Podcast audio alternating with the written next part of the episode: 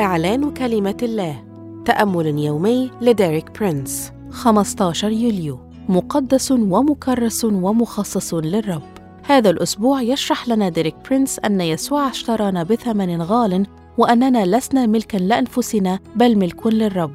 واليوم يوضح لنا أننا مقدسون ومكرسون ومخصصون للرب.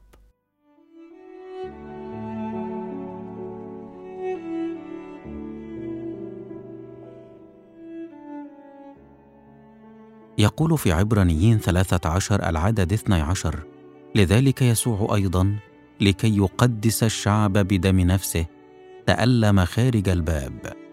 يقدس دم يسوع كل مؤمن.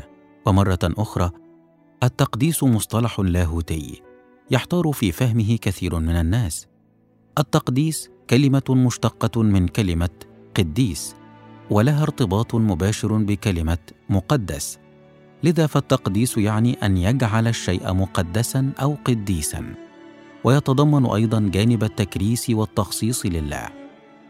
والشخص المقدس يتواجد حيث يمكن لله الوصول إليه بسهولة ولا يمكن لإبليس الوصول إليه. بكلمات أخرى أن تنفصل تماما عن المناطق التي يتردد عليها الشيطان فلا تكون متاحا عندما يحاول أن يصل إليك. وأن تتواجد دائما في المناطق التي تكون فيها متاحا للرب.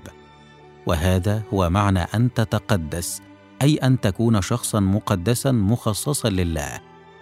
والتقديس مثله مثل البر لا يتحقق بالأعمال أو بالمجهود أو بالتدين بل يتحقق فقط بالإيمان بدم يسوع. وعندما تصير ملكا لله ومتاحا لله وتحت سلطان الله فأي شيء ليس من الله ليس له الحق في الاقتراب منك بل يتم إقصاؤه بعيدا عنك بسبب دم يسوع المسيح.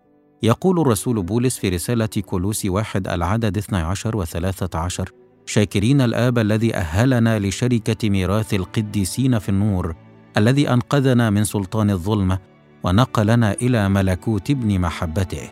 بالإيمان بدم يسوع نقلنا من مجال سيطرة الشيطان إلى ملكوت الله. وقد نقلنا الله الآب بالكامل روحا ونفسا وجسدا وهو ليس أمرا مستقبليا فنحن لن ننتقل في المستقبل بل قد انتقلنا فعليا حيث لم نعد في مملكة الشيطان ونخضع لقوانينه بل أصبحنا فعليا في ملكوت ابن الله ونخضع لقوانين ابن الله. أشكرك يا رب لأنك اشتريتني. أعلن أني مكرس ومخصص لله. وأني انتقلت لمملكة الله وأني قد اشتريت بثمن. أنا ملك للرب. آمين. للمزيد من الكتب والعظات لديريك برينس قم بزيارة موقعنا www.dpmarabic.com